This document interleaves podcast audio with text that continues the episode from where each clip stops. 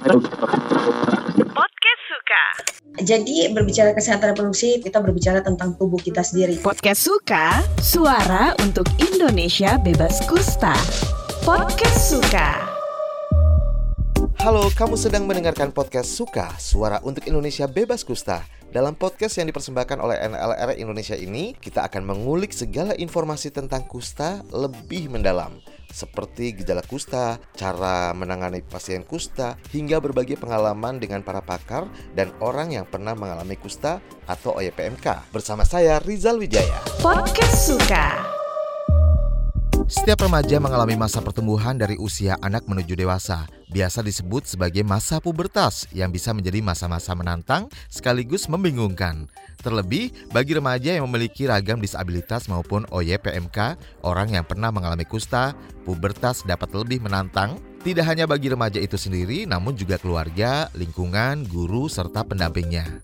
Lalu, mengapa hak kesehatan seksual dan reproduksi menjadi hal yang penting? Berikut penjelasan Nona Ruhel Yabloy, Hak Kesehatan Seksual Reproduksi HKSR dari NLR Indonesia. Sebenarnya ketika kita ngobrol soal hak kesehatan seksual dan reproduksi ini, kita ngobrol soal diri kita sendiri karena tidak terlepas dari perkembangan tubuh, tidak terlepas dari aspek kehidupan kita, baik sosial, baik ekonomi maupun secara keseluruhan. Jadi kenapa ini penting? Ya, yes, ini penting sekali karena kadang-kadang kita berbicara tentang hak kesehatan seksual dan reproduksi itu selalu hal tabu, tabu untuk dibicarakan. Dia akan tahu dengan sendiri dirinya seiring berkembangnya usia. Padahal kita sudah harus mempersiapkan anak dan remaja, apalagi terkhususnya remaja dengan disabilitas, bahwa mereka juga punya hak. Kenapa sampai dinamakan hak? Jadi mereka juga punya hak untuk mengetahui, untuk melihat sebenarnya perubahan apa yang terjadi. Misalkan salah satunya menstruasi. Kadang-kadang itu tidak disampaikan atau tidak dibicarakan dengan anak perempuan. Atau mimpi basah, itu juga tidak dijelaskan apa itu. Sehingga kadang-kadang anak dengan dengan disabilitas atau YPMK itu menjadi korban kekerasan, menjadi pelecehan karena itu saling berkaitan. Ketika anak tahu tentang hak dia, remaja tahu tentang informasi ini, kita percaya bahwa remaja itu akan mampu melindungi dirinya, dia akan mampu bersuara karena dia paham tentang haknya dia. Kenapa sampai kita menyebut hak kesehatan seksual dan reproduksi dan itu sangat penting untuk remaja dengan disabilitas dan OYPMK. Jadi berbicara kesehatan reproduksi, kita berbicara tentang tubuh kita sendiri. Kita ngobrolin soal pubertas, tuh hal yang perlu kita sampaikan. Kita ngobrolin soal bagaimana anak mau berbicara atau menjaga dirinya dia dari kekerasan seksual dan pelecehan. Kadang-kadang karena kita melihat bahwa pelecehan seksual itu terjadi, itu anak takut untuk speak up, takut untuk melapor. Jadi kita mau mengajarkan bagaimana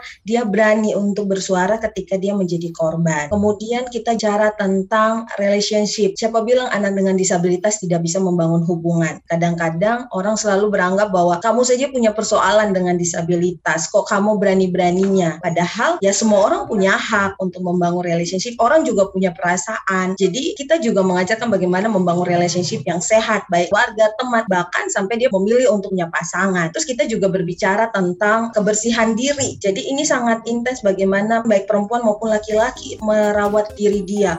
Membicarakan tentang aspek seksualitas, hak kesehatan seksual dan reproduksi merupakan hak bagi setiap orang tak terkecuali disabilitas. Hak tersebut telah diatur dalam Undang-Undang Nomor 8 Tahun 2016 tentang penyandang disabilitas. Meski kesehatan seksual dan reproduksi belum dapat porsi besar untuk dipahami oleh teman-teman disabilitas dan OYPMK, dapat dibilang akses informasi tentang reproduksi kesehatan wanita masih sangat terbatas. Oleh karena itu, Biung Indonesia juga mengambil peran dalam hal tersebut. Sebenarnya apa sih yang melatar belakangi hadirnya Biung Indonesia dan seperti apa upaya yang dilakukan?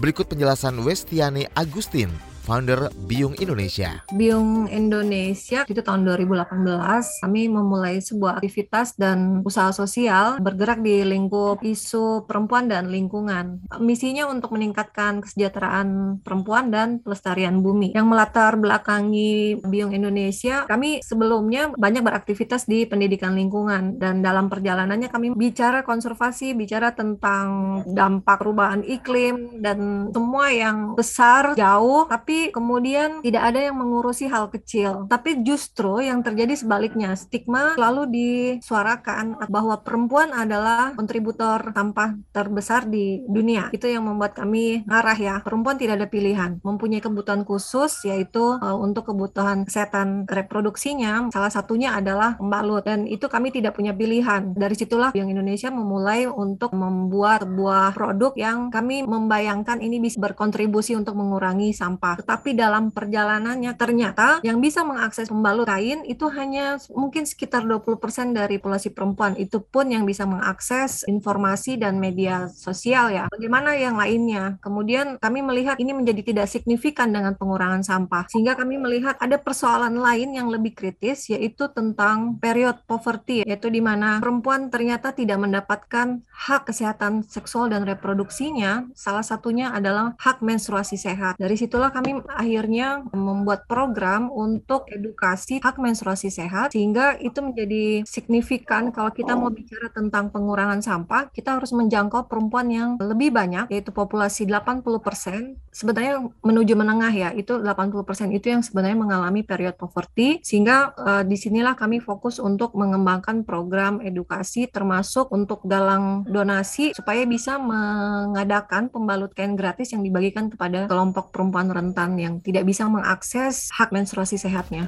Terima kasih sudah mendengarkan podcast Suka Suara untuk Indonesia Bebas Kusta. Untuk ide dan masukan, silakan email ke podcast@kbr.id dan tulis di bagian subjek podcast suka, tagar suara untuk Indonesia bebas kusta. Jangan lupa ikuti juga podcast yang cocok untuk kiris main kamu di kbrprime.id atau platform mendengarkan podcast lainnya. Dan ikuti kami di Instagram at kbr.id. Saya Rizal Wijaya. Sampai jumpa di episode selanjutnya.